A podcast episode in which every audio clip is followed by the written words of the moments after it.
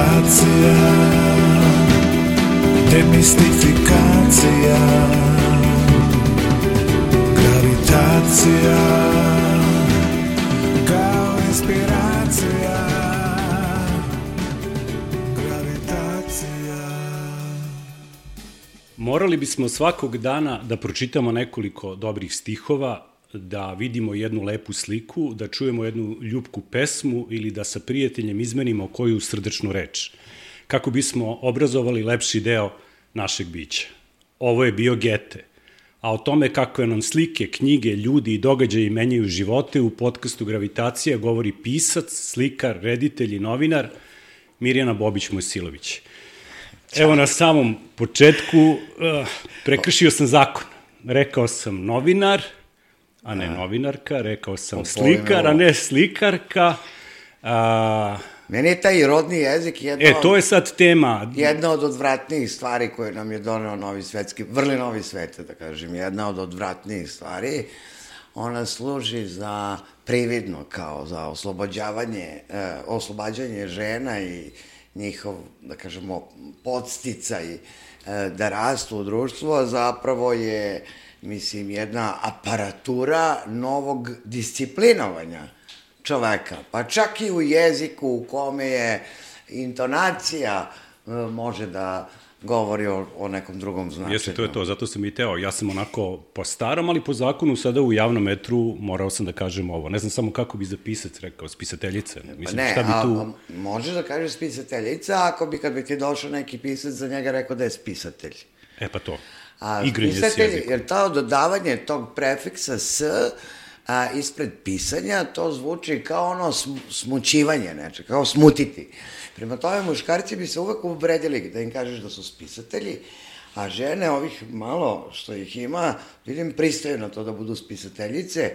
Ja ne pristajem, ja sam e, pisac, ako hoćeš baš u rodu, ima u srpskom jeziku reč književnik i književnica i, i to je to. Ovaj, ali hoću da kažem, počelo da me žešće nervira, a mislim i sve normalne ljude koji misle svojom glavom, bilo šta što je e, iz oblasti političke korektnosti, bez obzira da li se radi o e, javnom bontonu, e, javnom jeziku, e, političkim stavovima, e, novim istinama i tako dalje i tako dalje. Znači, čim o, namirišem političku korektnost, pravim zid. Crvena zid. lampica. Crvena lampica, ne šta pričam ovaj, sa... Dobro, meni je drago što si mi onda na početku oprostila kršenje zakona i meni je jedino važno što je ha, hrabrost ženskog roda, a strah muškog, pa tako možemo da nas... To će uvek biti nepromenjive kategorije. Pa da ti kažem, ovaj, e, ponosno sam što sam smislila e, tu foru, a, ovaj, a prvo ti kažem, i kad si citirao ovo GTA, sam se pitala, bože, da li sam ovo ja napisala, tako da... Liči. Ovo liči. Da. Tako da, u suštini, mislim, kada promišljaš jezik, ti promišljaš i e, sudbinu čoveka. E, jer jezik je jedno more, jedan okean, jedna, jedan koordinatni sistem, da kažeš.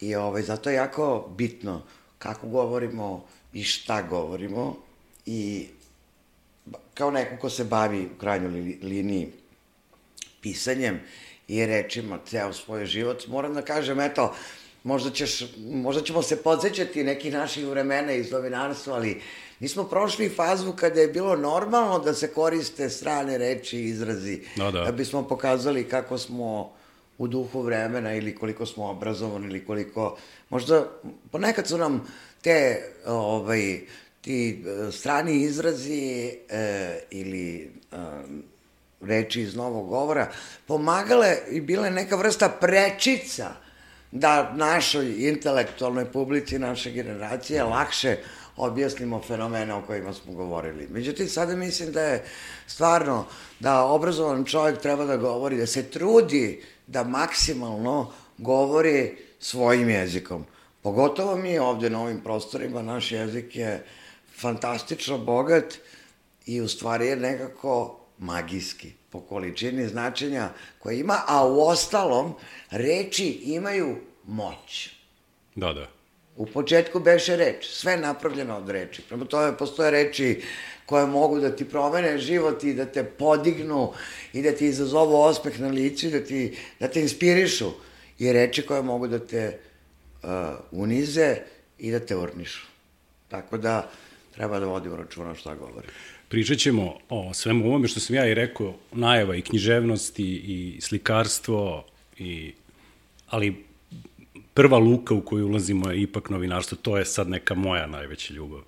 A, čuveni list Duga a, je, u kojoj su radili eminentna imena jugoslovenskog i srpskog novinarstva, nastao je iz erotskog časopisa Eva i Adam. E, onda su komunisti Beograda valjda rekli da ima malo teži sadržaj, iako je u Sloveniji bio baš čitan. I onda je Saša Badnjak istu tu ekipu novinara prebacio u redakciju, nazvao je Duga i počeli su se bave politikom, kulturom, feljtonima. Ugašena 60-ih, 70-ih opet nastala i trajala je negde, ako se ne varam, e, do 2003. I simbolično hoću da te pitam, zatvori na neki krug i kao da su se opet otvorila vrata za erotiku i seks u medijima to, u Srbiji. A, jako dobro opažanje, da, ja volim to. Ovaj, kad... Da li deliš moje mišljenje? Da, e, sviđa mi se ta tvoja elipsa koju si izvukao od seksa do seksa, s tim što ono bio da kažemo, dvodimenzionalni seks u fotografijama i u tako nekim skrivenim aluzijama. Čak je i takav nekom smetao. Da. A hoću kažem, bili smo tada mnogo nevinije društvo u tom smislu, u moralnom smislu sigurno, ali ceo svet je bio takav. Da kažem, nismo mi tu bili ništa posebni, kao što ni danas nismo posebni, a ovaj povratak seksa na velike scene, dakle, ti si rekao lepu reč, erotika, ali seks se vratio. Znači, seks, a ja bih izvela to još jedan stepenik dalje i rekla pornografija. Pornografija e, pornografija i mi imamo taj pornografski diskurs apsolutno od e, javnog govora, koj, za koji e, primer možeš uzeti bilo šta što čuješ na ulici, kako danas mladi razgovaraju, koliko psuju, koliko su Uh, taj porno diskurs je nenormalno pri, prisutan u životima, naravno za to su odgovorne e, i društvene mreže, a pre njih porno kanali, bio je neki, onaj, kako zvao, Čelavi, onaj neki porno nole, pa je bio kod u Miloševićevo vreme bio da, da. onaj sa hemijskom olovkom, kako se zvao onaj što ima? Vujović, da nije e, kod Vujovića je da, bilo da. posle Palma. njegovog uh, e, TV Palma. Tako TV tako Palma, ja mislim e, da posle da. njegovog tog ozbiljnog o sudbini srpskog naroda su bili pornići na televiziji. Znači, da kažemo da je to raz, razularivanje e, ove javne scene počelo mnogo ranije. Mm -hmm. A ovo što si pomenuo Adam i Eva i Duga, to su u stvari bili početci, ali mislim oni su imali humorni prizvuk. Mm -hmm.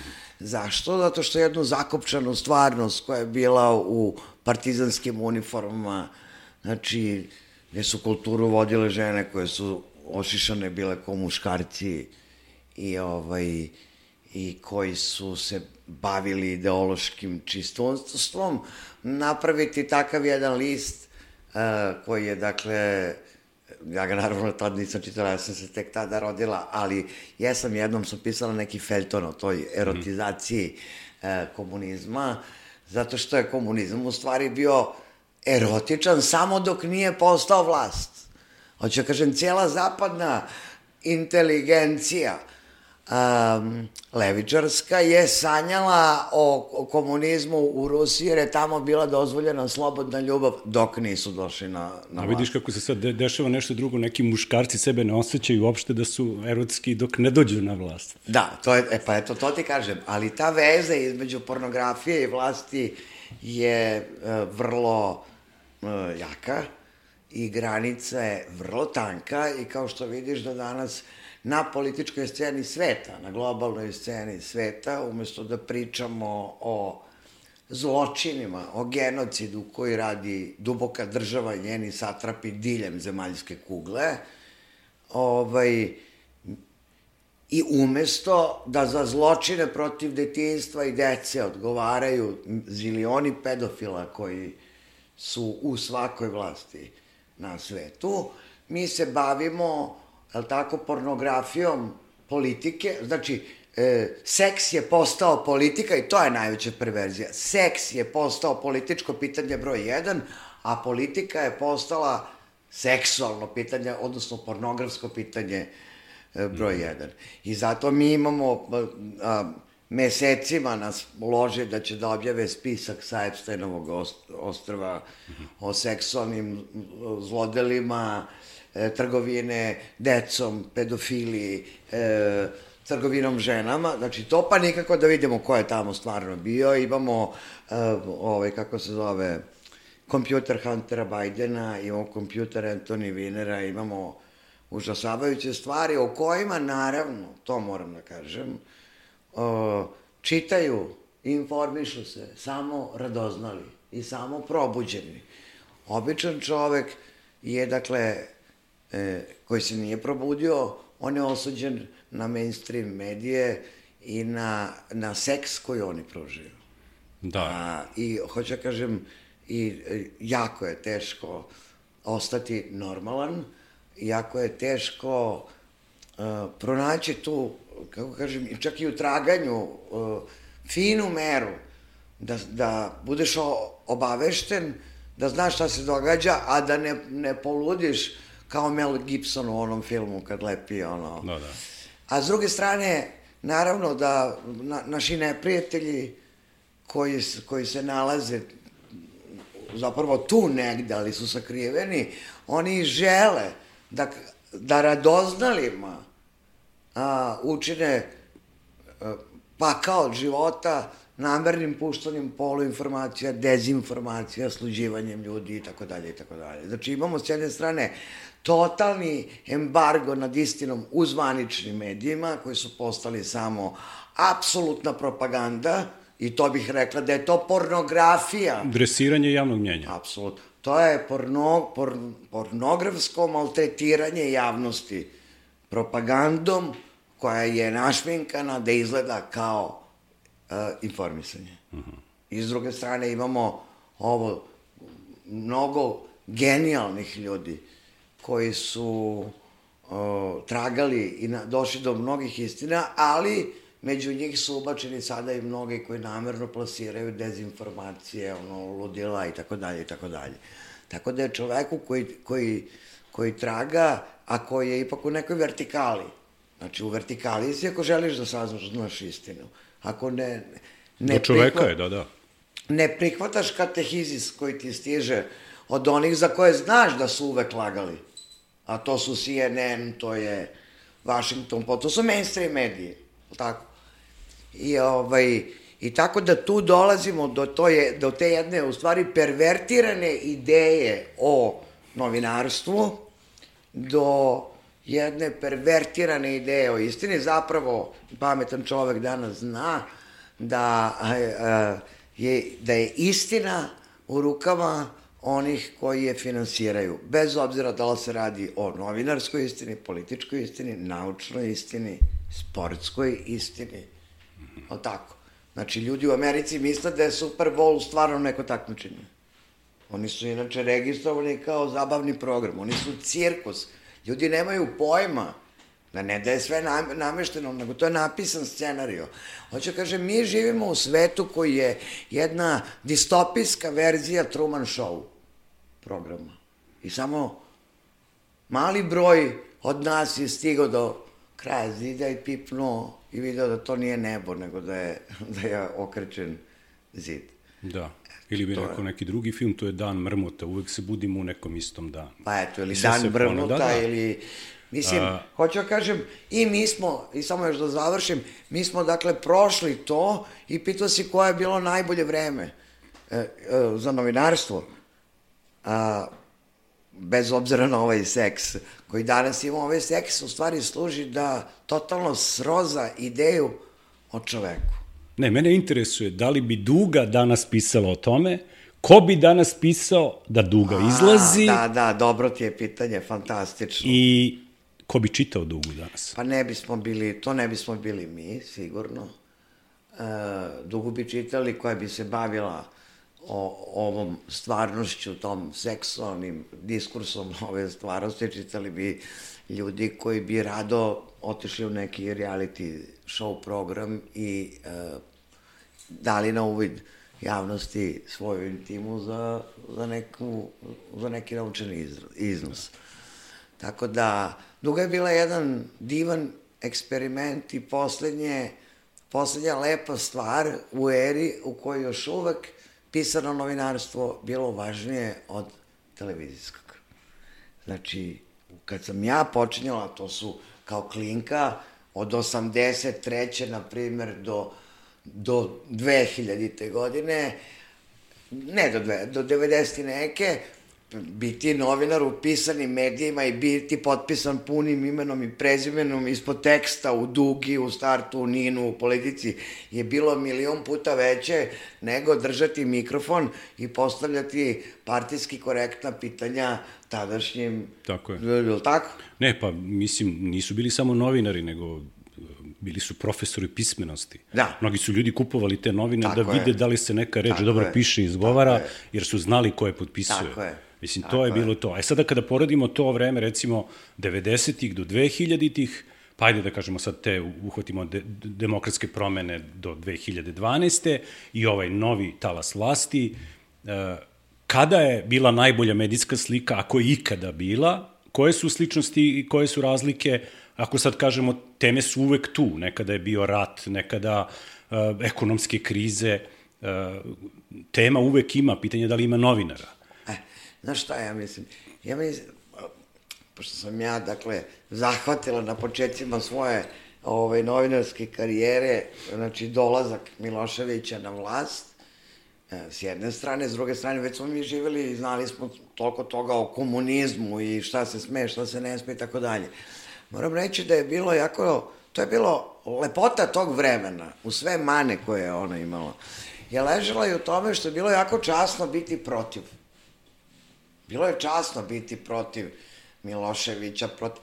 A s druge strane, mogao si da pišeš. Ja sam pisala u našoj borbi, ja sam pisala u Telegrafu, ja sam pisala u Dugi dok je po, postojalo. Znači, stalno je kao ta ideja o nekoj pobuni i pravu da kao mladi intelektualac imaš pravo da, da izneseš svoje mišljenje, to je a, apsolutno bilo, da kažem, poslednje vreme, eto, pisane reči koja je imala neku težinu. Jeste tu snagu je davalo i vreme, ali i to da su vaši tekstovi ipak bili oni novinarska azbuka, činjenice su tu, a komentar je vaš. One su bile neprikosnovene. E, Ovo da, je da, danas da. vreme otporno na činjenice. Da, da, ne, tačno. O, vreme otporno činjenice. Dobro, ali moram vam kažem, um, onog trenutka kad su, um, vidi, u Miloševićevo vreme imao si Miloševićeve medije, a sve ostalo je bila neka opozicioni mediji uh, nad kojima šapu nije imala jedna stranka. To je suština. Ovaj, čim su stranke počele da se prtljaju u novinarstvo i u medije, stvari je počinjala da se srozava, to da se ne lažemo, navijali mi za ovoga ili za onoga i onda odjednom, kako bih rekla, onda je postalo jel, sve očiglednije, naravno je da su i te slobode za koje smo mi verovali da smo ih sami osvojili, bile u stvari uvezene, mislim, kao što je uvezeno e, i rat, i, i građanski rat, i tragedija, i e, demokratske promene. Danas kad posmatrate svet, vi morate da vidite da je Srbija, odnosno SR Jugoslavija, odnosno SFRJ, bila prvi eksperiment onoga što će se događati e, u čovečanstvu 25-30 godina kasnije. I e, od, znači, upliva e, Soroša i otvorenog društva i mislim, haosa, pogledajte vi što, znači, gde je on doveo, gde je on ušao, tu, tu su nesreće i stradanja i patnja, gde je on doneo naranđastu revoluciju, tamo kamen na kamenu nije ostao, mislim, a mi smo bili njegov prvi eksperiment. Tako da, danas, u stvari, pametno čovjek mora da baci sve što je znao i da uči sve iz početka. A to nije lako. To, pa Ja, nije lako, mislim, ali je prvo- zabavno. Da, ali... Najgore prolaze oni, mislim, ja sam napisala u nekom romanu pre deset godina da je život genijalan za one koji su spremni da uče i pakao za one koji misle da sve znaju. Jer oni koji misle da sve znaju, danas sigurno ne znaju ništa. Sve mora ponovo da se uči. I istorija, i naša istorija, i da se sa određenom distancom posmatraju događaju u svetu, jer ništa ne postoji zasebno. Sve je povezano. Jedno je s drugim povezano. Da. Ceo 20. vek je u stvari vodio kao ovome, o čemu ja učemo danas, mi koji smo ukapirali o čemu se radi. Dobro, mi smo znači došli do učenika. Evo ja hoću sve da učim iz početka, ali da. sad se tu postavlja novo pitanje ko je učitelj? Ko predaje? Moram li to sam? E, nema, moramo sami. To je, znači, sad se kao pušten, podignuta je zavesa Matrixa i, i morat ćeš i da lutaš. Ali je, e, znači, ideja o filtriranju činjenica miliona koje dobijaš, naravno, je u stvari božanska ideja o izboru. Znači, kad imaš pravo da biraš, već ti je bolje. A kad, si, kad ostaješ u Matrixu, kad samo upališ televizor i sediš, ti, nemaš, ti, ti, ti ništa ne biraš, ti si onda predmet, objekat, objekat na koji se spuštaju mutne vode propagande. Eto, tako da vojtski se izrazim. Zadržao bi se ja malo van granica Matrixa još uvijek ako mogu i spomenuo ljude ovaj, koji su, nažalost, više nisu sa nama, ali su izbegli taj Matrix. Da. Koliko tebi lično, tebi za stolom, a novinarstvu u Srbiji nedostaju Tirnanić i Tijenić? E, ja moram kažem da se, e, da, eto, ja sam rasla uz njih dvojicu, ovaj, e, i da je, da mislim da strašno nedostaje u ovoj sceni danas. Iako se mnogo puta s Tijanićem nisam slagala i mnogo puta smo se javno pokačili. Ali on je nekako, njegova ta pojava, kada on zagrmi, ljudi su znali da stanuju ovi koji su upravljali našim životima i da se zamisle. S druge strane, on je bio neko ko neke tako otvorene budalaštine nije dozvoljavao. To je, mislim, kao, kao novinar, kao javna ličnost i tako dalje. Mislim da je njegovo odsustvo se osjeća, kao i Tirketovo koji je otvorio jedno posebno polje u našem novinarstvu, to je i on mi je možda bio i još i veća inspiracija nego hmm. Tijanić, da iz tog stvarnostnog malo krenem da se širim u, u nešto što će jednog dana da postane moja literatura. Da. A koliko bi se danas ovi javni funkcioneri i političari ponašali isto da su oni među nama, recimo, i da njihova reč seče pa, papir? Njihova reč bi sekla papir, to je sigurno, ali ne znam da li bi se danas i ponašali, zato što mislim da prisustujemo u stvari jednoj, e, i kod nas, naravno, ali ja gledam i na globalnoj, jednoj, jednoj bezočnoj e, promenadi sile. Znači, one koji imaju moć, više nije ni briga da šta mi mislimo o tome. Oni će da sprovode svoju moć bez obzira na to šta mi mislimo. Znači, bez ni morala, ni stida. Ni mor... To je, ali, ali gledaj, sad se vraćamo opet na početak. To je poenta civilizacije koja je relativizovala sve. Ako ti relativizuješ moralne zakone, propao si. Ako, ako uh, kažeš, pa dobro, šta, pa ništa nije zaslužilo poštovanje dok ja ne odlučim da to poštujem, pa onda tome izlozi, izložiš i ideju roditeljstva, i ideju detinstva, i ideju čednosti, ideju žene, ideju Isusa Hrista, ideju neke pravde, ideju herojstva, ide... i dođeš do toga da njima sve jedno da li ceo svet bruji o njihovim nepočinstvima, oni nastavljaju. Pogledaj šta rade ovi bre iz Davosa. Oni imaju stide i srama. Vidi, juče je umro ovaj Rockefeller. Ne pamtim nikada da je za nekoga ko je umro takva salva najužasnijih komentara na, na američkom Twitteru. Znaš šta mu kažu? Gori u paklo Sotor, u paklu Sotonu. Zamisli taj život, da si imao bolesnu želju da vladaš i da upravljaš životima ljudi, da se pri tome abnormalno obogatiš i da za tobom niko suzu pustiti neće. Pa mislim, to, to je, kako kažem, kad predaš uh, dušu mećari, odnosno kad se prodaš tom mamonu, ideji, moći, materijalne, političke, fizičke, kako ti kažem, prestaješ da, da ličiš na nas. Eto, to sam tela kažem. Da. Znači, ovi bez stida i srama, da. Mi živemo u jedno bestidno vreme, besramno vreme. Čekajte, molim te. Sve je povezano, jako ću ja navoditi primere koji će da budu zanimljivi eh, tvojim gledalcima. Ja, imali ičeg besramnijeg nego da se ne, to sam našao pre neki dan, pala mi je vilica. TikTokerka se hvali, najčuvenija neka francuskinja, belgijanka, da je njen tata njen ginekolog. Jel treba dalje? Znači, pošto je sve relativizovano, relativizovani su bazični odnosi u hrišćanskim monoteističkim religijama. Otac, odnosi brat, sestra, otac, čerka, roditelj, dete, e, sta, odnos prema starima, odnos prema telu. Znači, telo je potpuno, prvo žensko telo je bilo iz, izneseno na podijum javnosti i onda je izvrnuto kao na ginekološkom stolu. A sada se to radi sa muškim telom. A sada smo došli do još gore perverzije, da imate reklame, ne znam, ili naslovne strane ploča gde sedi devet muškaraca u belim gaćima koje su krvave i ispod piše muškarci mogu da imaju ciklus. Jel, jel, jel vama to normalno? Ako vam je normalno, izvolite, vi živite u tom svetu, ali ja neću. I nećete me ničim naterati. Ali pazi, Matrix je takav da kondicionira, uslovljava ljude da, da sa što više ponavljanja satanističkih projekata, laži, psovki, pornografije, ovoga, ona, što više ponavljanja, utvrdio je to i doktor Goebbels, znači to postaje norma.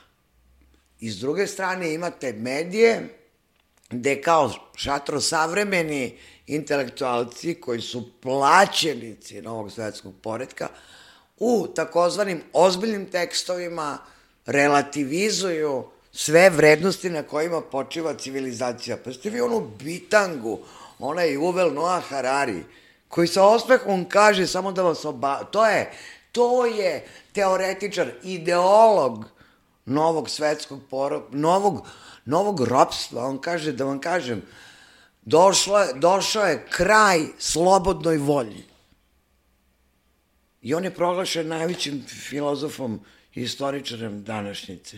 Ne, kraj slobodnoj volji ne može da dođe, znaš kad može da dođe? Samo kad ubiješ čoveka. To je kraj slobodne volje. Ti možeš da ga nateraš.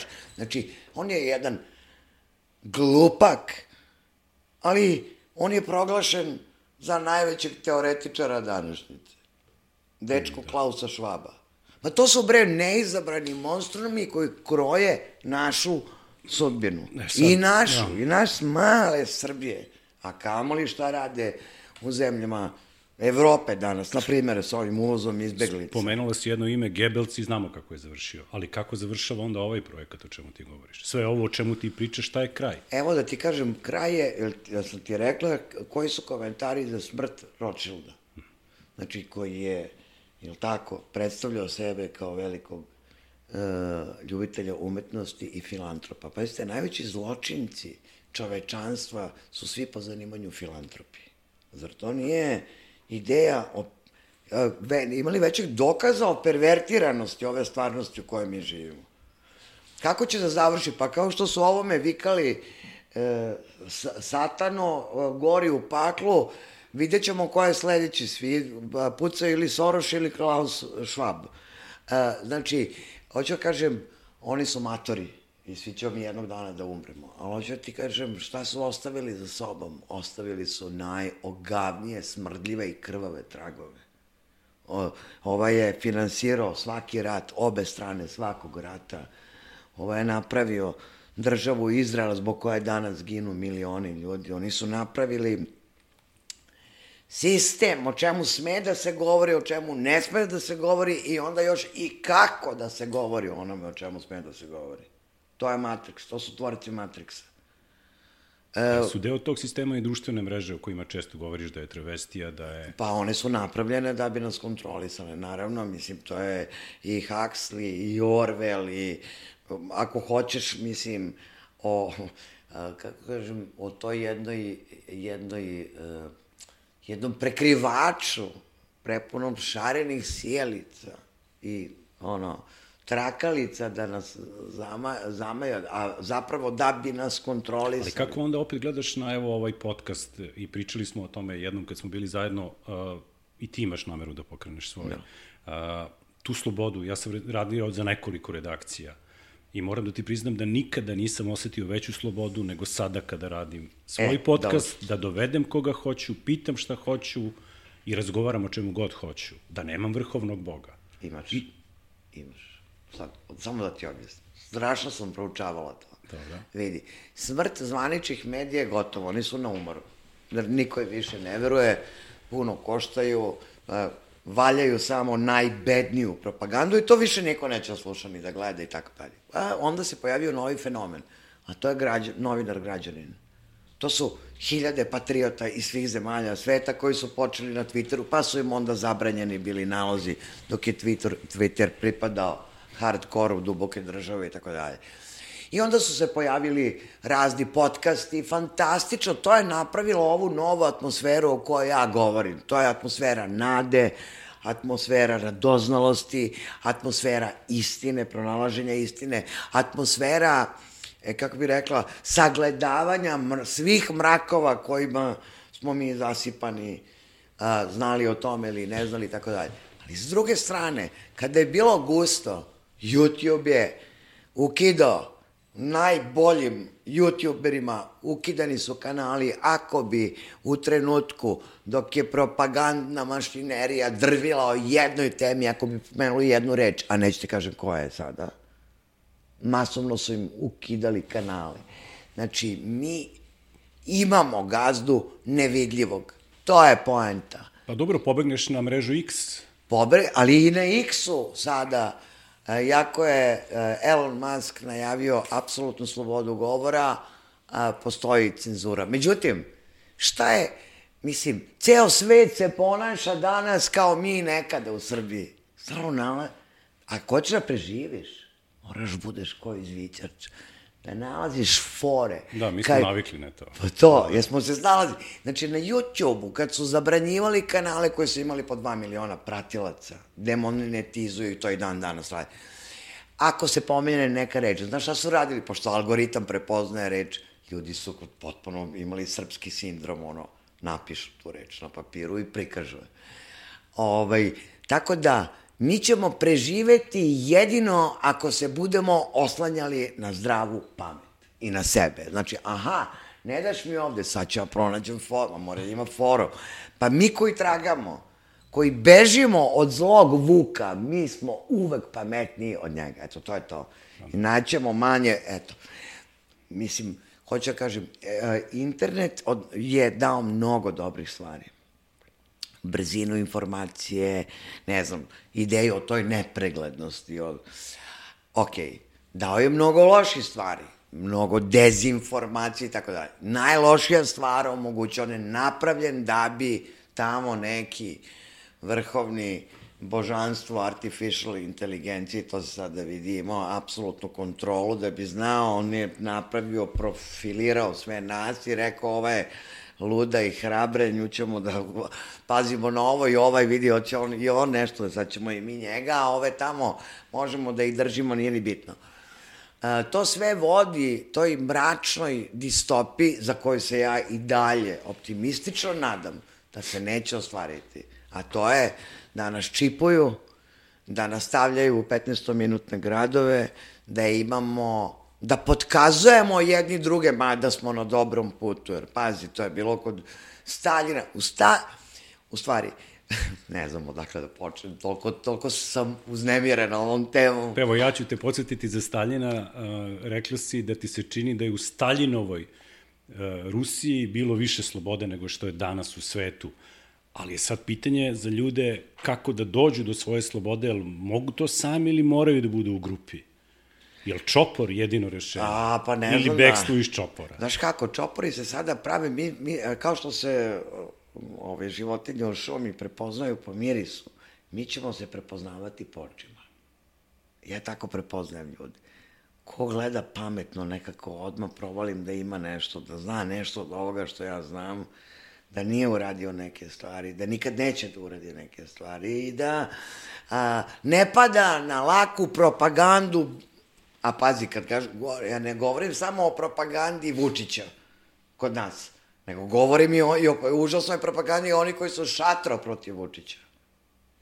To je pametan čovek mora da se izmesti i da sve posmatra sa nekom distancom. Da, za ali... to je potrebno iskustvo, ne samo pamet. Mora mnogo da se prođe. Mnogi ljudi ne vide stvari, nisu prošli. Da, ali ako ti, a, mislim, nemoj sad da me, ne želim da govorim o politici, ali Nećemo, da. a, čovek mora da vidi, ako, ne znam, kreće se u nešto, neki protest, ima jednu temu, sutradan ta tema ne postoji, a prekstra se nakači neka nova politički korektna tema, izvini, neko kao ja kaže, izvini, meni tu nije mesto. Ćao. Sve mi je jasno. Meni je sve jasno. A, hoću da kažem za internet, da se vratim na to mm -hmm. pitanje. Znači, dao je mnogo dobrih stvari, dao je mnogo loših stvari, ali društvene mreže, to je sada. Društvene mreže, znači taj Twitter je u stvari u, u jednom trenutku kod nas bio kao neka, kako bih rekla, kao pristupna lista za prvoborački staž. Tako, kao napišeš nešto, slažeš se s većinom, nešto što je politički korektno, što ništa ne boli, ti si sebi kao kupio neko pravo. I tako izgleda naša scena, opozicijona. A ova zvanična, to ne treba da opisujem kako izgleda. A onda su, onda je taj, te društvene mreže su postale, kad govorimo o ovom političkom, postale su mesto gde linča. Linča, bez obzira da li te neko linča, zato što tako misliš da dobio pare da te linču, ali apsolutna netolerancija, to je, znači, meni metafora, je li tako, za neki mentalni logor, jer a, nema, a, debata je izbačena upravo na Twitteru. Nema debate, nego ti nisi s nama, ne sviđam se, sad ćemo mi tebe da urnišemo. Mržnja. Mržnja, Da, da, agresija. to je svuda u svetu. Svuda u regionu, u svetu, nije to ne, ne, ne. samo u Srbiji. To je Apsolutno bukvalno... govorim, ja kad kažem da se mi ni po čemu ne razlikujemo. Da, da, to je, sad smo u kalupu. Ja, ja govorim, sad kad sam govorila o Twitteru, to je, govorim o, na primer, Twitteru pred američke izbore 2020. godine. Kada je Trump izbačen sa Twittera, a aktualni predsjednik Amerike, čekajte, o čemu mi pričamo? I ta podela, znači, duboka država želi da mi budemo podeljeni, da se mrzimo, da kopamo oči i da nikada ne razgovaramo. Jer kada bismo razgovarali, kad bismo naučili, kad ne bismo optuživali jedni druge za zločin mišljenja, za zločin znanja ili neznanja, mi bismo onda mogli da razgovaramo. A kad bismo razgovarali, mogli bismo da učimo jedni od drugih i čim bismo učili, više bismo znali. A kad bismo više znali, ovi nam ne bi mogli ništa. Eto, to je... I da kažem još treća stvar koja je jako loša, a to je vezivanje čovečanstva, ali dece, za ekran, koji stvara zavisnost, za, za tu ideju da dete mora da bude zabavljeno. Znači, ako ne gleda ovo, ono gleda televizor. Zato nema više dece u parku. E, šokirana sam. A, zato, zato klinci, zato u restoranima, zato... Evo sad sam videla predivnu vez da su u Francuskoj ili u Holandiji napravili kafić u koje je zabranjeno ući s mobilnim telefonom. Do- Donele žene svoje štrikeraje, hekleraje, frajeri bacaju jamb, gledaju se u oči. Kako je neki posete, čovjek. jel praz- poluprazan ili Ne, pun. Da. Znaš zašto? Zvu, a, blejanje u ekran telefona ili kompjutera isključuje najbitniji deo mozga, a to je centar za komunikaciju. Otuda mi danas imamo epidemiju Alzheimerove bolesti. Kad ne razgovaraš s ljudima, polako se isključuješ. Naša deca, deca zapadne civilizacije, ne mislim naravno samo na decu u Srbiji, su užas, užasno velike žrtve tog trenda. Kad kažem deca, ne mislim sad ove koji su tek počeli. Mislim i na ove koji danas imaju 20 godina, koji ne znaju da razgovaraju, ne znaju da se gledaju, nesposobni da imaju bilo kakve ozbiljne emocionalne odnose, zato što su zavezani za za neku iluziju, bajku i iluzija o, sa tim lajkovima, srcima i tako dalje i tako dalje, ostavljala je jedno more usamljenosti. A vladari sveta žele da svaki čovek bude ostrovo, jer samo tako mogu da manipulišu njim da ga oteraju da mu saopšte, je super, sad ćeš da živiš u gradu, imaćeš pravo da se krećeš 15 minuta, Šta, zar nije lakše da te čipujemo pa da staviš ruku ono kad ulaziš u svom poslu, šta, niko ne može ti ukrade karti, mislim. E, propaganda je tolika, ljudi su lenji, znači gledanje slika olenjuje, čitanje osnažuje i tako da eto, ne znam da sam zamešala mnogo stvari u ovu Pa ne, u rusku još- salatu od razgovora, ali... Ne, još nešto fali. Tamo kad smo naučili da živimo sa internetom, da živimo sa mrežama i to, evo, veštačka inteligencija. Da. Novi projekat. Da. Kako gledaš na to? Ja mislim da ovako mnogi su pisci od GTA i naravno od pre GTA, ali do danas eto pisali o tome Fistu, o đavolu, kako izgleda đavo. Slikari su pokušavali da ga naslikaju, ali ja mislim da je đavo veštačka inteligencija. I da je to u stvari e, to jeste ponovo travesti, jer pokušavaju da nam to uvale kao novo božanstvo. A moj bog je na nebu i ovaj i ne dolazi u obzir da mi ni Elon Musk ni pod bilo kojom pričom, drugo ja se užasavam ideje da kao neko, to je, mislim, to je bogohulna ideja, odmah ti kažem, da neko može da misli za tebe. To je ideja o dobrovoljnom ropstvu, Etienne de Posi, razumeš. A s druge strane, mogu da rade s tom veštačkom inteligencijom danas da stave CGI-e, da, je, da, da, mogu da ti unište život, naravno. Sad si ti neki političar, nećeš da pristaneš na neku ucenu, oni ti naprave veštačku inteligenciju da ti primaš, mislim, veštačka slika, film, da primaš mito negde, eto, tebi Šmrčeš robije. kokain. Šmrčeš kokain. Sve može, da. Imaš dečka, i tako dalje i tako dalje. Znači, to je užasno, ali s druge strane mislim da je ipak ono što je sloboda u čoveku i što je božansko u čoveku, to je mogućnost da bira. I mislim da će ljudi na kraju ipak birati ovo, mogu da se igraju malo. Ovaj, a inače, nije, nije mogla, evo šta su radili, imaju tu veštačku inteligenciju, vlasništvi su svih medija. Pokušali su da uni, unište Takera Carlsona. Izbacili ga s Foxa. Čovjek otišao i napravio na Twitteru, odnosno na X-u, svoj kanal, njegov intervju s Trumpom, koji su svim sredstvima pokušavali da, da, da spreče da se emituje, je samo u dva dana videlo 273 miliona ljudi. Znači, to je, to je ne, ne više nego biračko telo Amerike, to je skoro cijela Amerika. Sada, na primjer, njegov intervju sa Putinom unapred su krenuli da ga pljuju Ko? Pa predstavnici Deep State- State-a za koje sam ubeđena da ćemo ih vidjeti u zatvoru Hillary Clinton, uh, ove Podeste, Vineri, ne znam, Bideni i tako dalje. I on je ipak objavio taj intervju. Njega su vređali, rekli su da je on sluga Rusije, da je izdajnik. Pazi, pet, petoro američkih novinara u poslednje tri godine objavilo intervjue s Putinom i svi su bili aplauzali. Taker, zato što Taker ne priča propagandnu žvaku koju pričaju ostali.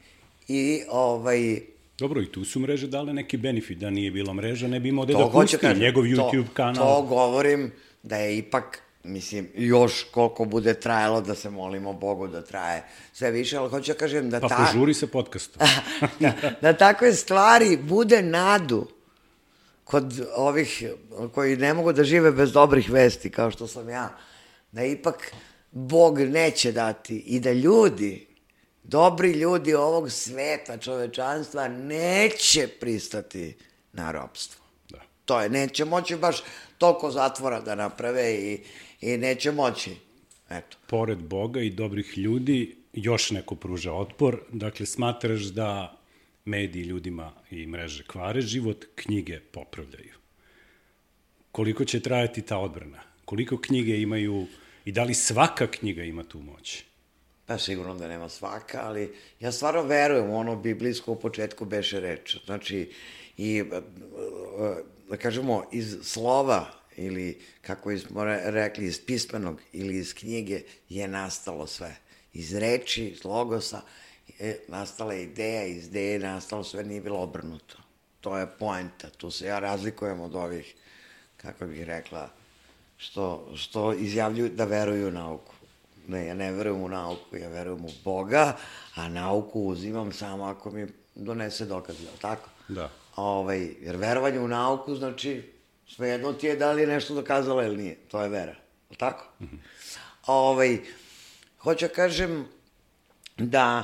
Uh, uh, šta si me pitao, izvini? Za knjigu? A, za knjigu. Uh, znaš šta, knjizi su predviđali smrt... Ili da jednostavno kažemo ovako, dobar roman govori o životu njegovog glavnog junaka, kao što loš roman govori o životu autora. Imamo li mnogo glavnih, više glavnih junaka ili više loših autora danas? Ko je taj... Znaš šta, ukusi su različiti, ali... Ovaj... Šta su tvoje iskustva? Šta recimo tebe u savremenoj književnosti, šta ti privlači pažnju, šta ti inspiriše? Mm, pa da kažemo, ja, naravno i to je podložno modama i to je podložno vremenu. Bilo je vremena kad sam volela anglosaksonske savremene pisce, Tonija Parsonsa, ne znam, o, ovaj, pa onda italijanske, sa Amanitijem, sa, mogu sad se zetimo i baš imena svih, pa onda a, Bariko i tako dalje. Pa onda francuski, znači, ogroman utica na mene, ovaj, Welbeck i Becbede ali ako je Bekbede bio ranije kao enfant terrible, koji je pravio, da kažemo, nešto što možda i nije bila književnost, a maho je tim perijem književnosti, on je po meni sa svojim najnovim romanom uh, Bura na Atlantiku, koji je u stvari omaž ženskom autoru, književnici Margariti Ras, koja je napisala Bura na Pacifiku, pokazao da je jedan u stvari uh, e, e, sjajan, veliki pisac i on je napisao svoju ličnu knjigu, ali ne o, o modernosti kakve su mu bile prethodne, o reklami, o seksu, o brzini, o toj, kako bih rekla, jednoj bezdušnosti, modernoj bezdušnosti ili bezdušnoj modernosti. On je sad napisao knjigu koja je toliko emotivna, toliko je knjiga o ljubavi. I mislim da knjige o ljubavi nikad neće prestati da budu bitne i da će, pazi, sa ovom promocijom tela, seksa i proterivanjem ljubavi kao nečega što je totalno besmisleno, glupo i grozno, i a, sa slavljenjem materije, znači tela, novca, moći, a, naravno, svet već je počeo da se zasićuje tom zobenom kašom kojem je ponuđen i mislim da će se, i to su naravno procesi normalni, vratit će se ponovo bazičnim vrednostima, bazičnim vrednostima, jer, jer čovek ne može da živi sam. Jednostavno, napravljen je tako da mu je potreban drugi, ne samo kao ljubavni partner, nego drugo ljudsko biće, kao referenca, kao, kao neko s kim će moći da razgovara, da podeli, da se posvađa, da se dotakne, da... I mislim da Eto to. Inače, knjigama su naravno predviđali krah i pre 40 godina, kao to niko neće da čita, pa opet to nije istina. Pogledaj, Laguna samo širi broj knjižara koji ima, kao što se i povećava broj pisaca, ja, ja sam uvek, za razliku od ovih koji se groze od novopridošlih pisaca, ja smatram da je prostor duha beskonačan i da pripada svima. I da svi ljudi neko je bilo šta pišu, jesu pisci, nego da svi ljudi koji mnogo čitaju jesu potencijalni pisci. Bez obzira da li će svoje pisanje stvarno da materializuju u nekom tekstu, da li će da naprave neku knjigu, ili će samo da žive to što su pročitali. Jer vidite, život uz knjigu, čitanje, mnogo je drugačiji nego život uz televizor. Da, da, uz medije uopšte, pa da. Uz medije. Jer, e, jer, jer čitanje daje čoveku neku uzvišenost duhovnu. Kad čitamo knjigu, mi smo uvek u najdubljem, najintimnijem razgovoru sa sobom, ali mi smo i u razgovoru sa uh, junacima knjige i uvek razgovaramo i sa piscem. I zato ovaj, ja volim da kažem da čovek koji čita nikad ne može da bude nula. Da. Ne može. Mogovije ti kažu, e, nula si, nemaš patike ove, nemaš e, separe, nemaš jahtu, ne živiš na dedenju, ali, ali to ne može da dotakne čoveka koji čita knjigu. On se ovako pogleda na smeje i kaže, važi. I ode, uzme novu knjigu i shvati da postoje i svetovi izvan ovog stvarnostnog, potrošačkog, e, crnog petka u kome, u koji je e, saterana zapadna civilizacija. Da, to je kad, kad je kod čitanja, kad je kod pisanja, ali imaš ti nekad krizu pisanja? Naravno. Da li, da li, da li ovo sve što pričaš, da li utiče na tebe? Koji si recimo roman najduže pisali, Pa zbog čega? Najduže sam pisala moj e, najnoviji roman koji se zove Sazvožđe svitaca i za koji, eto, moram se pohvalim, najprodavanija knjiga u Laguni od 2023. godine. A, ovaj, pisala sam ga dugo zato što, eto, da kažem, mene sve rane čovečanstva bole, ne moga roda, nego čovečanstva. Toliko sam se bavila ovim svim temama i onda sam u stvari samo shvatila da nema više snage, da je sve besmisleno, Um, u stvari, glavni cilj je uh, đavola, što bi rekao Deni Deružmon, prvo da te ubedi da ne postoji, to je najveće lukavstvo, a, ovaj, a druga stvar je da je život besmislen, da ne vredi nije oko čega se trujiti. Ovako i onako, svi ćemo da umremo. I, ovaj, I to osjećanje teške melanholije, da ne kažemo depresivne, je moju inače uobičajenu krizu koja bi trajala možda dva, tri meseca, pretvorila u krizu koja je trajala nekoliko godina. Gledaš beli papir. Da, da sam svakog dana, ne, ja sam bila napisala više od pola knjige i nisam mogla da krenem i imala sam tako jednu, jedan uh, tragičan odnos prema sebi, prema ideji stvaranja, prema životu, znači mogu slobodno da kažem, eto da me e, lepa reč je melanholija, ali bila me neka depresija od užasa koji su se na nas sručili. I, i, a, a onda ako kao intelektualac još razumem i istražujem šta se to desilo, pazi. To je A- doba korone, govorite. Da. Da, da. I ovaj, ali onda se desila ta genijalna stvar sa ovim, sa tim jednim dečkom koji je ušao u moj ulaz. I ušao u moj ulaz, ja sam, nešto me pitao, ja sam provalila da je uterivač dugova. I da ide da maltretira komšinicu. Bili smo sami u zgradi i sami na ulici, tetovirano, dva metra. Ja ne znam uopšte šta se desilo u meni, ali ja sam ga uhvatila za ruku i rekla sam mu, molim vas, nemojte to da uradite. Frajer se okrenuo ovako u šoku. Sam rekla, ta žena je bolesna, molim vas, nemojte. Ali njen sin je, ne znam, dugo je neke pare. Ja sam rekla, slušajte, ja ću da kleknem ovde sad. Ja ću da kleknem. Molim te, nemoj to da A čekaj, tebi intuicija govorila da, Da. je nešto ne valji da je došao... Da. I frajer me ovako pogleda, taj frajer od dva metra. Oči mu se napune suzama. I kaže, ok, sad, samo zbog vas, što vas cenim, izađe napolje, a ja, ja ga uvatim za ruku ponovo i kaže, ti si mnogo dobar čovek, samo ti to nikad niko nije rekao. On otrgne ruku, ja za njim. Bog će biti s tobom kad ti bude bilo najpotrebnije zbog ovoga što si danas radio. Frajer beži niz ulicu, ja počinjem da drhtim. I ne mogu uopšte, znači imala sam kao, ne, ne, ne, mene je posetilo nešto od ozgo. I ja tog trenutka shvatim da sam ja spasila ne tu komšinicu, ne ni tog dečka, ne ni sebe, da sam spasila moj roman.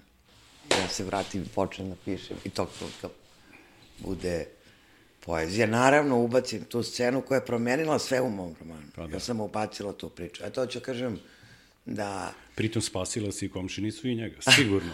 A spasila sam i Da. svoj roman i ja ću kažem, ništa nije slučajno i u stvaralaštvu nekako, ako to valja, uvek se desi taj neki spoj između vertikale i. Svemir. Pa jeste, Pa da, da, da, to je to. da, da. E, ti inspirišeš mnoge Nećemo još dugo. ti inspirišeš mnoge, ko inspiriše tebe? Pa evo, rekla sam ti, mene inspirišu ti neki mali kadrovi koje ja vidim oko sebe, ponekad neka rečenica, neki ljudi. Šta sam uhvatila da, na primjer, e, pošto ne gledam televiziju, onda na YouTube-u tražim nešto I sad sam, gledam neke stare, imaju neki klipovi sa starim fotografijama, pa kao, na primjer, New Orleans, 930. pa ne znam, neki. I onda odjednom vidiš neke ljude, neke male sreće ili nesreće i mene to odmah inspiriše da zamišljam njihove živote, njihove priče. Znači, ako si mislio da li imam nekoga koja je moja inspiracija, ne. Da je jedna osoba, jedna figura, Ne.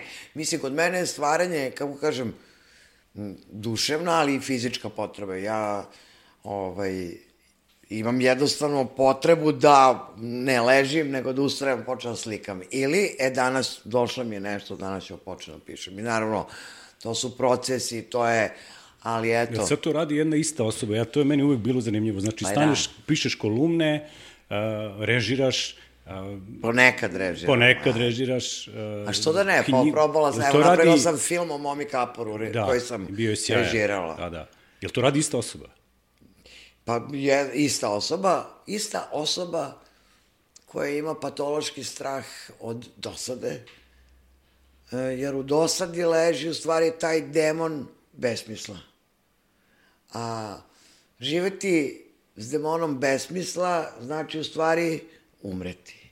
Sada ovo zvuči paradoksalno, ja toliko volim život i toliko se plašim smrti, a sklona sam to i, kako bih rekla, melanholiji, da upotrebim tu lepu reč. Znači, radim sve samo da samu sebe zabavim. Ako usput zabavim i neke druge dobre, dobre ljude, fantastično. I, i ovaj, zašto to mogu sve da radim? Zato što sam e, prestala sebe da gledam ozbiljnim očima. Ne svatam sebe ozbiljno. Ne palim se na sebe. Ne govorim sebi vi. Boli me uvo da će moje delo biti ovenčano, mislim, ko, ko pa da me ovenčava i bilo čime. E, tako da, baš me briga ono što je divno, što je divno za pisca. Za pisca je najdivnija stvar.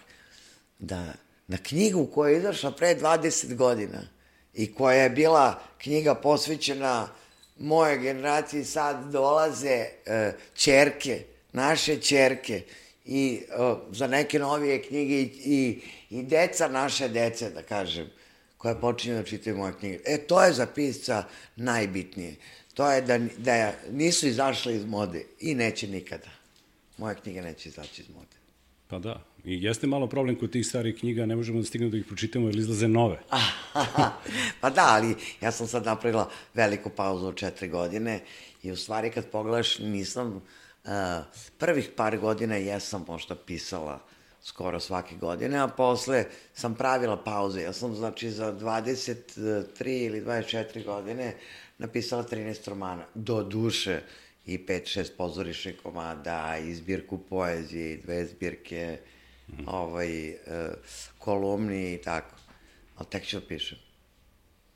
Pa treba. Pa, te, pa tek počinjem. I da slikaš. I da slikam, normalno. I da snimaš. Ma i da snimam i baš me briga, mislim. Ja samo hoću da kažem ljudima, pošto ovo gledaju neki ljudi koji misle da im je potrebna dozvola za nešto. Ne, nije vam potrebna dozvola nije za što. Znači, ideja je pa samo... Pa moraju da uče, znači, sve iz početka. Da. Evo ja brzo učim. Ja ono što, znači, uvek smo govorili salto mortale, sad ćemo da govorimo salto morale. Tako je, bravo, bravo. Da, da nema da, da. na osnovu svega ovoga da. što ti pričaš. I da kažem ljudima, eto, bolje je, bolje je, uh, uzmi olovku i papir, ako si volao nekad crtač, crtaj, heklaj, štrikaj. Videla sam juče uh, na, na, na Instagramu nekog mladića koji od drveta vaja konjske glave. Ljudi, to je remek delo. Naš čovek. I vidim iz celog sveta mu pišu. Znači, životi mogu da se prave izvan korporacija, izvan snova ono o sigurnoj plati od 5000 evra i tako dalje i tako dalje. Znači, nemojte samo da sedite i da ogovarate i da očajavate nad vlastitim životom, nego nešto uzmite. E, pravite kolače, prodaćete ih. Pravite ogrlice, prodaće, ili ne, ne morate da prodajete, zabavljajte se. Uz obavezu da traže svoju istinu. Ono što si Da. ti rekla, ne dozvoljavaš da ti novi bog bude CNN i Davos. Tako je. I da tražiš svoju istinu. Taman posla, taman posla. I, uh, I znaš šta, ako dođeš, ponekad ćemo svi koji, ponekad su zapravo svi koji su, eto, volili slobodu više nego leba, ostajali sami. Nisu imali s kim da pričaju, ali verite mi, to kratko traje.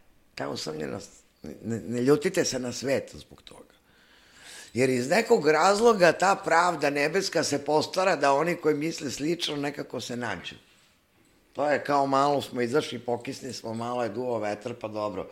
Sinoć Jel to rešava taj tvoj, tvoj pogled u nebo, nebo više puta, pošto smo komšije, vidio sam te kod hrama da gledaš u nebo, a opet sa druge strane nešto razmišljam, uh, u posljednje vreme pomodarstvo tih vatrometa, ne sad što imam kućnog ljubimca pa mi to smeta, nego kao da ti vatrometi simbolizuju to nešto loše i uh, A gde prljaju, vatrometi? vatrometi generalno, svuda u svetu vatrometi, Da, da. prljaju to nebo. Da. Imaš li takav, ono mora da bude čisto. Pa mora bude čisto, ali pazi, mislim, manje mi problem prave vatrometi od ovih aviona koji noću preleću mm, i Srbiju, čujem.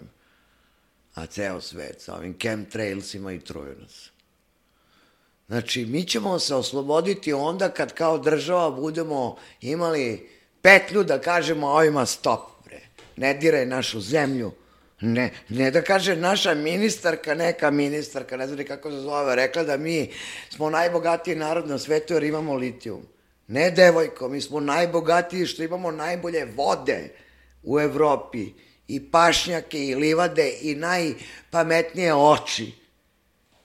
Pa i obradivu zemlju. Pa to je Pa to. to ti kažem, ja se nadam da, da će naši Imamo pametni ljudi puno, da ukapiraju imamo je o čemu puno, ja imamo govorim. je puno više nego Holandija. A ne, nego ćemo A da budemo robovi, a robovi je- a Holandija je korporacije. drugi izvoznik hrane na svetu. Mi imamo mnogo više obradive. Umesto da je poljoprivreda naša ključna stvar, mi pričamo o litiju. A to je, mislim, strašno. E, Pazi, ja sam, kad dok sam radila onu emisiju, putovala po Srbiji, pa čekajte, molim vas, ta sjenica, ta pešterska Da, vica. da, sve si vidio. Ti pašnjaci, taj sir, te pite, ti ljudi, pa ja ne mogu da, ili bilo gde drugde. I sad neko nama kaže da mi treba s radošću da prihvatimo korporaciju koja će da nas otroje, ne nas, nego i našu decu i decu naše dece. Strašno. Živimo u svetu, kako smatraš, sudara dobra i zla. Ovi prvi će reći dobro uvek na kraju pobedi, ovi drugi kažu pobedit će brutalniji i kreativniji. Može li zlo da bude kreativno? Ako gledamo sve te medije i sve to što govoriš sad kao mehanizme zla, to je moje jedno pitanje. I drugo pitanje, ti smatraš da su se u tom sudaru i u tim odnosima muslimani negde ipak najbolje snašli?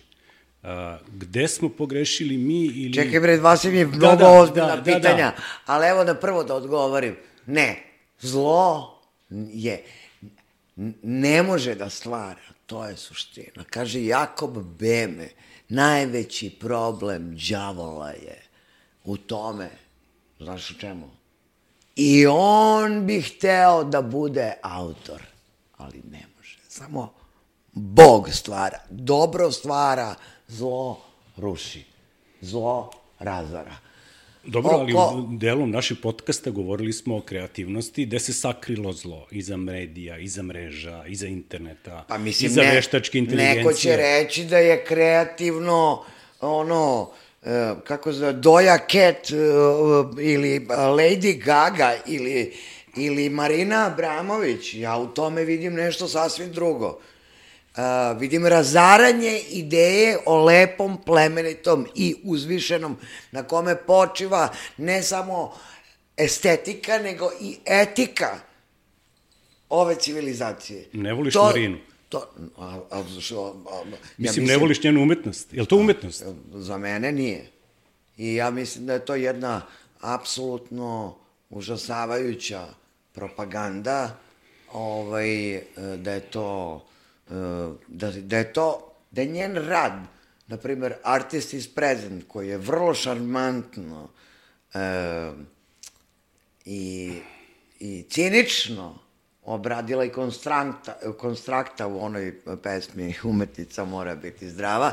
Njen rad je bio totalno cim projekat ono, za kontrolu uma, da vidimo šta sad možemo da uradimo 30 godina posle ono mind control uh, MK Ultra programa, sad je dobila od koga? Od Guggenheima, znači od Rockefellera, Rothschilda i Soroša 5 miliona ili 20 miliona nečega, da sedi i da i da 100.000 ljudi prođe i sedi pored nje i da padaju u trans, a gospođi samo ovako radi sa, uh, ovaj taksimetar koliko je love zaradila. Mislim, uh, sve ovako. Ono Mislim, što malo sve, brže, ne, nisam Dobro, siguran. ono što svet ne zna i što ću sada da kažem, ovim ljubiteljima modernosti, da je e, 26. juna 1900 e, e, 50. na primjer godine u Berlinu osnovan Council za Culture Affairs kao cina, cin proizvod za uh, kako bih rekao, kulturološki odgovor Sovjetskom savezu. A zapravo, oni su promovisali Jacksona Pollocka, celu modernu umetnost, znači od Jacksona Pollocka danas do Jeffa Kunsa koji je pedofil, naravno, slika decu, figurine, gole de... Mislim, užas. A, od toga do, na primer, Lolite. Nabokov je bio najveći darling e, savremene literature. Rođeni brat mu je radio u CI. Prema tome, ako vi mislite da u savremenoj umetnosti nečiji uspeh stigao zato što neko genijalan, vi onda nemate pojma o svetu u kome živite. To važi i za bestseller knjige, znači, to važi za filmove, to važi za pozorište, to važi, molim vas, mislim, e, za sve nagrade, uvek je u vezi sa političkom korektnošću ili u vezi sa agendom koje služi. Neko zna da služi, neko ne zna. Mnogi, mislim, savremena umetnost je poslužila da se proteraju i zauvek ubiju stotine hiljada, možda milioni Leonarda, Michelangela, Ticijana, stotine hiljada Dostojevskih i Čehova i ne znam, Balzaka i Viktora i Goja i Šekspira, da bi umesto njih došle vaginini monolozi i ne znam ja. Ja danas gledam stvarno drugačije na, na sve što je, da kažemo, činilo naše živote i našu ideju o modernosti. Da, da, to je to učenje iz početka. Tako da, eto, a što se tiče islama, moram da kažem da Šta su oni videli šta mi nismo? govorim naravno o ovom neradikalnom islamu, o našem islamu, o, o, o tome da im stvarno... Ja, ja prvo ovako, moram kažem, ja često gledam pokojnog Zukorlića u, u klipovima koje neko postavlja. Vi znate kakav je to genijalan čovek bio? Kakav je to mudrac bio? Kad govori o stvarima koje se tiču morala, svakodnevice, života, ne ulazimo u političke sada ovaj, teme. Znači, to je jedan genijalan čovek i onda, i onda naravno, on me inspirisao da slušam i druge. Oni su uspeli, druge naše muslimane, koji, koji, čije klipove neko postavlja. Hođe, imame i tako. E, Znate, ima mnogo drevne mudrosti u tome što oni govore. Drugo, oni nisu dozvolili da se izrazim e, njihovim rečekom šeitanu relativizma da im priđe. Znači, tako su sačuvali svoju porodicu, svoj stil života i nisu dozvolili Allaha i proroka Muhameda da im bilo ko pipne. A vi pogledajte u hrišćanstvu. U Obamino vreme nije smelo da se kaže u Americi srećan uh, srećan Božić, nego se sve svelo na eufemizam srećni praznici. To je suština. Danas imate zahteve da se uopšte Božić više nikad ne pomene, da se ne bi uvredili pripadnici drugih religija. Pa ste vi to ludilo. Znači, to je isključivanje jedne vodi u verski rat. Mislim, nažalost, veliki brat želi da, da, da ljudi ratuju zbog vere. Želi. Želi. To je suština. Kako, A, ali mi ćemo to sprečiti. Mislim, pravi vernik mora da poštuje drugog vernika. Drugu veru. a to i uvek, pa naravno. Ali ja sam šokirana kad vidim kako neki naši, ne mislim zvaničice, nego ljudi koji se na mrežama predstavljaju kao hrišćani, kako se usuđuju da, da na primer, vređaju druge vere. Tu se vraćamo na početak naše priče, Naravno. na medije, na novinarstvo. Naravno. Dobro, kako završavamo onda? Hoćemo, sunce se ponovo rađa. Naravno, sunce se Mada, ponovo mada rađa. je i taj roman Hemingway već nekome problematičan zbog nečega. Da. Pročitao sam. Ne Da. znam šta je sad pa tu jeste, tema. ali ne, zato što je on bio levičar. Mi danas, ali, pa, ali pojmovi levice su sve pervertirano. Znači, današnja levica, to su ovi liberali, to su najveći fašisti. To su staljenisti. Mislim, ne, kompliment je kad im kažemo da su staljenisti, to su fašisti koji bi nas sve, koji stalno govore da ima jako mnogo ljudi na zemaljskoj kugli, da treba pobiti tri četvrtine čovečanstva, ali sebe u taj višak ne računaju. Dakle, da, da kažemo, nas može spasava znanje, humor i vera, imamo mi ovde, bar na Balkanu. I pogled u nebo. Da, pogled u nebo i stara izreka Maničija do, do zore nije gorela, tako da evo sada imam ja, ja vidim onako da se probijaju zraci sunca odasvud. Ok, Mirjana, hvala ti na gostovanju u mom podcastu. Nadam se da će biti u tvom, ako ga pokreneš nekada. A hvala tebi. Kažu da čestit čovek ne uživa sam u svojim delima, već oko sebe širi atmosferu sreće i zadovoljstva. Nadam se da ste i vi tokom ovog razgovora osetili isto što i ja. Pratite nas i dalje, ovo je Gravitacija. Gravitacija Demistifikacija Gravitacija Kao inspiracija